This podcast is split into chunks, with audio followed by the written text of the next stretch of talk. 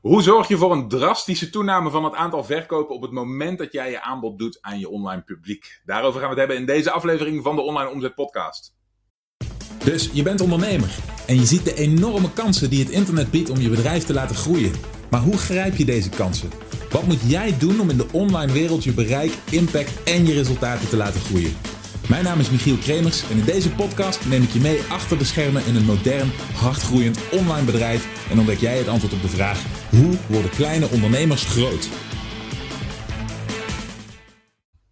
Hallo, mijn naam is Michiel Kremers en welkom bij een nieuwe aflevering van de Online Omzet Podcast. Zoals ik al zei, in deze aflevering gaan we kijken naar hoe je kunt zorgen dat op het moment dat jij je aanbod presenteert aan je online publiek, dat een groot percentage daar meteen bovenop duikt en ervoor gaat. Oké? Dat doen we door het toevoegen van scarcity en urgency. Het is een van de meest gebruikte sales tactieken, maar hij mag niet ontbreken in je marketing. En ik wil heel graag met je gaan delen waarom. Dus laten we snel gaan kijken.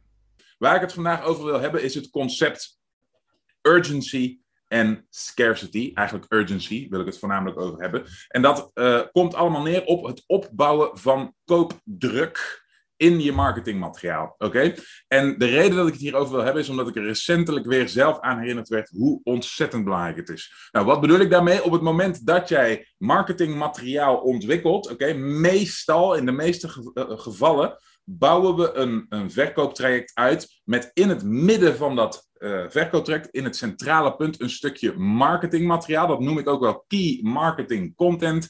En via dat stukje key marketing content overtuigen we mensen om de beslissing te maken, de koopbeslissing. En in sommige gevallen is dat stukje key marketing content je verkooppagina, je salespage. En in sommige gevallen is het je webinar. En in sommige gevallen is het een sales video. Oké, dat kan verschillende vormen hebben. Maar het komt er altijd op neer dat we een via een aantal kanalen mensen naar dat stukje key marketing content toe funnelen. Oké? En in dat stukje key marketing content overtuigen we mensen vervolgens om die aankoopbeslissing te maken. Oké, dus dat is uiteindelijk heel simpel teruggebracht naar de kern, uh, de voorkant van een sales traject. Oké, dus het is eigenlijk heel eenvoudig. Maar op het moment dat mensen tijdens het consumeren van jouw key marketing content de vrijheid behouden, oké, om de keuze voor zich uit te schuiven, dan is dat voor het merendeel altijd de aantrekkelijkste keuze. Oké, dat is altijd de aantrekkelijkere weg om te bewandelen. Want wat wij uiteindelijk van ze vragen, en naarmate je hogere prijzen gaat vragen en substantiëlere investeringen gaat vragen voor je producten of diensten, wordt dat steeds meer een serieuze overweging voor je potentiële klant. Oké.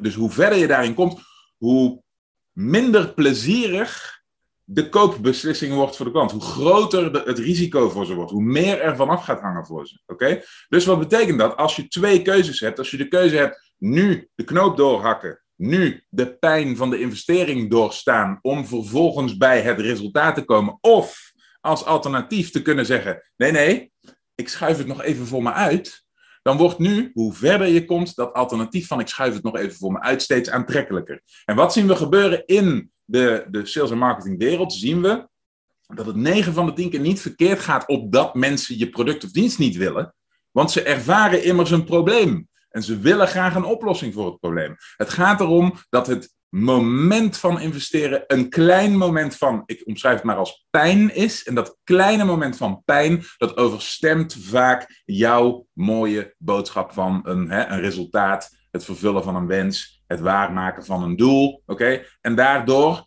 durven ze op dat moment de keuze niet te maken. Dus wij moeten als verkopende partij zorgen dat onze argumenten zwaarder gaan wegen Oké, let op, hier komt hij. Zwaarder gaan wegen dan de optie om de keuze uit te stellen. En dat doen we door scarcity en urgency. Oké, dus urgentie en schaarste. Laten we het maar even Nederlands houden. Nou, hierachter zie je een klein grafiekje. Wat we in essentie doen is naarmate we door de key marketing content heen lopen, oké, dan bouwen we de salesdruk op. Oké, dus we Ehm, we, dat, dat is in essentie wat we doen in de key marketing content. We leveren argumenten, we leveren uh, redenen om de keuze te maken. We schetsen een plaatje van de ideale toekomst als mensen ons product hebben afgenomen, onze dienst hebben afgenomen, het resultaat hebben bereikt. En we, we bouwen dat wereldje voor ze in onze key marketing content. We zorgen ervoor dat ze pardon, overtuigd raken van hun mogelijkheid om dat doel te bereiken. Oké, En dat doen we continu. Dus wat we in essentie doen in een stukje key marketing content is het bouwen van koop. eh, van, van aankoopdruk, oké, van sales pressure. We zorgen ervoor dat ze dat heel erg graag gaan willen. Oké, Die druk bouwen we op, bouwen we op, bouwen we op. Maar, en dit zie je als je een ballon opblaast, als wij daarna, ik zal kijken of het hier nog onder past. Als wij daarna niets doen, wat gebeurt er met een, een ballon? Je kent ze wel van vroeger, van die ballonnen die, eh, van die ballonnen die je opblaast met eh, helium. En die eh, gaan dan tegen het plafond hangen. Wat gebeurt er als je die daar laat hangen? Hoe, hoe, hoe ziet dat eruit na een dag? Hoe ziet het eruit na drie dagen? Hoe ziet het eruit na een week? Hoe ziet het eruit na een maand? Oké? Wat gebeurt dus eerst, bouwt die druk op als je die ballon opblaast. Hè? Je vult hem met helium. Die, die ballon die stijgt op, die hangt daar. Maar doe je er niks mee, dan wordt die kleiner, verschrompelt die, komt die weer omlaag. En uiteindelijk ligt die als een verpieterd hoopje midden in je woonkamer. Waarschijnlijk voor de meeste van jullie, en inclusief mijzelf, een concrete jeugdherinnering. Ja? Dat is wat er gebeurt. Dus wat willen wij doen? Wij willen ervoor zorgen dat op het moment dat die druk is opgebouwd, dat we niet die druk weer verliezen door hem te lang te laten liggen. Oftewel, we willen niet die klant de tijd geven om langzaamaan alle argumenten die wij hebben aangedragen weer te laten overstemmen door de ruis in zijn leven. Want life happens. We willen niet dat, dat, ze, dat ze al die goede eh, argumenten weer vergeten. We willen niet dat ze de emotie die ze voelen als wij de juiste argumenten hebben aangedragen, als we de juiste knoppen hebben ingedrukt, weer verliezen. Nee, we willen op dat moment, oké, een ontladingsmoment creëren. Oké? En dat willen we gecontroleerd doen in één richting. Wij trekken dus die ballon lek, oké, op het moment dat het ons uitkomt, in de vorm van ons getimede aanbod. Oké? Dus er is één uitweg in dit hele verhaal. Zo. Eén uitweg in dit hele verhaal. En dat is ingaan op het getimede aanbod.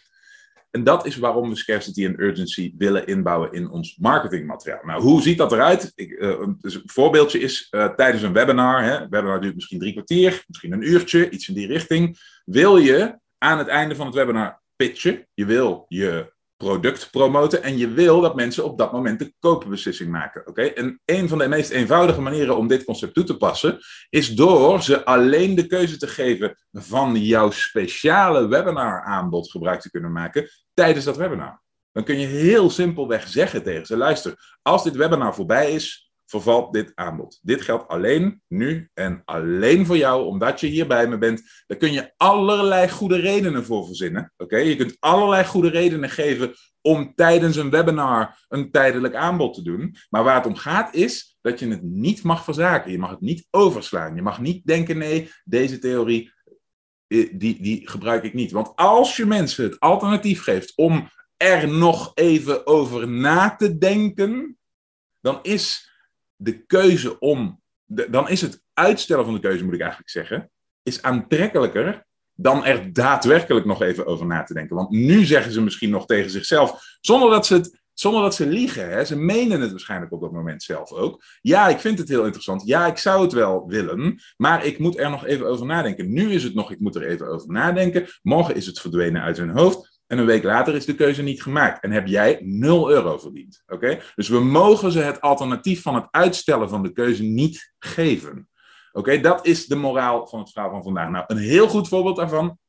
Ik weet even niet meer van wie ik hem heb, maar ik heb hem niet zelf bedacht. Vind ik ehm, religieuze fan, fanaten. Oké, je ziet wel eens. ehm, je hoort wel eens van die verhalen van mensen die langs de deuren gaan om mensen te overtuigen van hun religie. En dan, eh, dan kloppen ze overal aan en dan kun je de deur open doen of niet. En dan kun je een verhaaltje aanhoren of niet. Maar het doel van die mensen is om jou te, eh, om jou te converten, om jou te overtuigen en om jou binnen te halen in de desbetreffende religie. Oké, er zijn er meerdere die dit, die dit doen en die dit proberen. En wat hoor je altijd? Iedereen die daarover begint, die lacht daar een beetje om en die zegt: Ja, ja, ja, ze kwamen weer bij mij aan de deur. Ja, ja, ja, ze probeerden het weer. In sommige gebieden gebeurt dat meer dan in andere, maar voor een enkeling zal dit misschien heel bekend zijn. En de meeste verhalen daarvan, daarover, de meeste anekdotes hiervan zijn van mensen die daar een beetje om lachen. Niet per se omdat, ze het, nou, omdat het nou zo goed werkt. Oké? In de meeste gevallen is het slagingspercentage van die endeavor, van die moeite die die mensen doen, is heel laag. Oké? Nu vergelijken we dit met de percentages van het aantal. ehm, ja, ik, ik weet even het Nederlands hiervoor niet, maar het aantal deathbed conversions. Ik hoop dat jullie weten wat dat is. Hè? Dus mensen die op het laatste, eh, in de laatste fase van hun leven alsnog converteren naar een religie. Oké? En dan gaan we, eens- eh, als je kijkt naar de percentages daarvan, ik ben het, het exacte nummer vergeten, dat werd me verteld recentelijk. Maar, eh, maar dat, dat percentage is substantieel veel hoger. Oké? Als je dit nu in je achterhoofd houdt, als iemand op zijn, op zijn einde komt, oké? En er wordt vervolgens tegen, eh, tegen die persoon een scenario geschetst, dat hij als hij, als hij bijvoorbeeld biegt en zich eh, overgeeft aan, ik zeg maar wat, Christus of iets in die richting, dat hij dan ehm, vergeven zal worden voor zijn zonde en naar de hemel zal gaan, oké? Dan is dat hetzelfde verhaal als wat misschien 20, 30 jaar eerder, of 10 jaar eerder, of 5 jaar eerder, aan zijn eigen voordeur of aan haar eigen voordeur ook verteld werd. Toen ging die persoon er niet op in. Maar nu, nu is het een laatste kans. Als hij er nu niet voor gaat, dan gaat straks die deur dicht en dan is er geen mogelijkheid meer. Ineens is de optie om dit voor je uit te schuiven verdwenen. Oké? En dat is mijn verklaring Oké, voor dat hoge verschil in slagingspercentage van mensen die random langs deuren gaan. Want het aanbod wat ze hebben, hè, eeuwige vergiffenis en eh, toegang tot de hemel. En ik weet allemaal niet wat voor een mooie terminologie daar allemaal voor gebruikt wordt. Maar het aanbod is hetzelfde. Dat is wat ze je bieden. Maar nu is er ineens tijdsdruk aan het einde van dit verhaal. Nu is er ineens urgency. Oké? Als je het nu niet doet, is het straks te laat. En dat is een ongelooflijk krachtige motivator.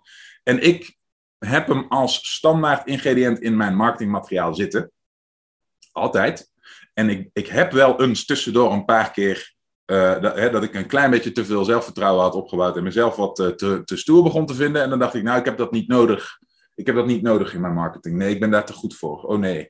Nee, nee, nee. Ik, pah, mijn, eh, nee, nee, nee. Ik, eh, ik, ik, mijn taalgebruik is zo goed en de argumenten die ik aandraag en ik zit zo op de emotie, bla bla bla. Vond ik mezelf een beetje te tof. Ik dacht, ik kan wel zonder. Want wij weten allemaal dat het een heel doorzichtige tactiek is. We zien allemaal gebeuren wat er gebeurt op Telcel als je hiermee aankomt zetten. Als je zegt, hé, hey, uh, als je dit nu doet, dan puntje, puntje, puntje. Dat is, dat is heel herkenbaar voor mensen. En we, we hebben de neiging als ondernemers om, om ons daar niet mee te willen associëren. Dus om het dan maar liever niet te doen. En dat dacht ik ook. Oké, het is inmiddels wel even geleden, want ik heb mijn lesje geleerd toen.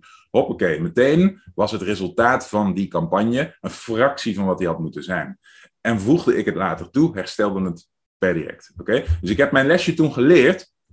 Ik ben het er weer in gaan bouwen. En het gaat zelfs zover dat ik tegenwoordig niet alleen de scarcity en urgency in het hoofd. Ik kijk even of het hier past zo. Dat ik het niet alleen in mijn hoofdaanbod.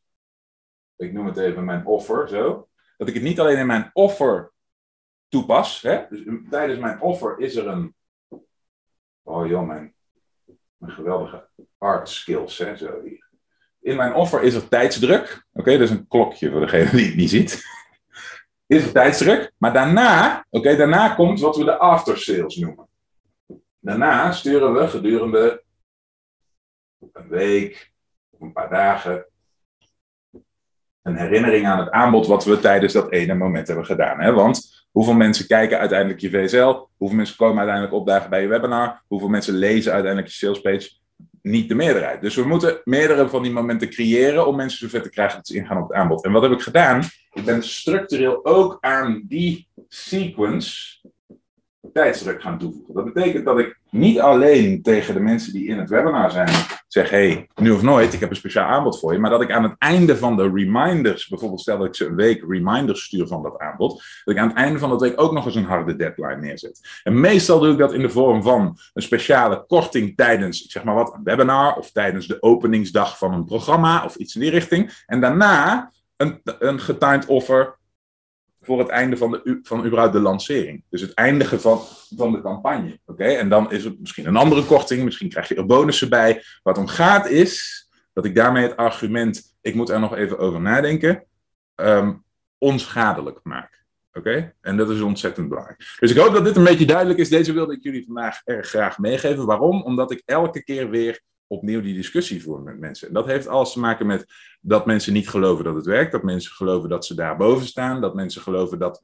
uh, dat het te doorzichtig is en dat hun doelgroep dat doorheeft en dat ze er daarom niet gevoelig voor zou zijn. Allemaal leugens. Oké, Niets daarvan is waar. Want als ik het je kon verplichten, zou ik het je verplichten. Als ik een wet kon maken die door de Nederlandse overheid in effect zou gaan, dat uh, marketers alleen nog maar scarcity en urgency mochten toepassen op hun campagnes, zou ik meteen doen, want het maakt al het verschil.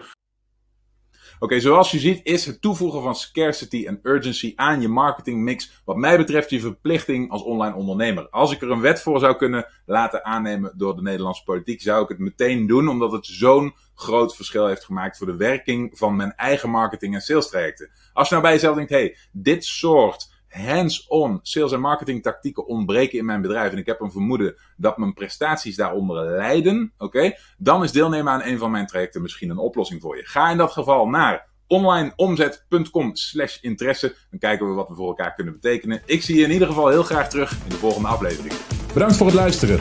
Heb je iets aan deze aflevering gehad of heb je een vraag? Laat het me weten via de comments. En vergeet niet te abonneren. Dan blijf je op de hoogte van alle tips en strategieën waarmee jij als moderne ondernemer groot kunt worden.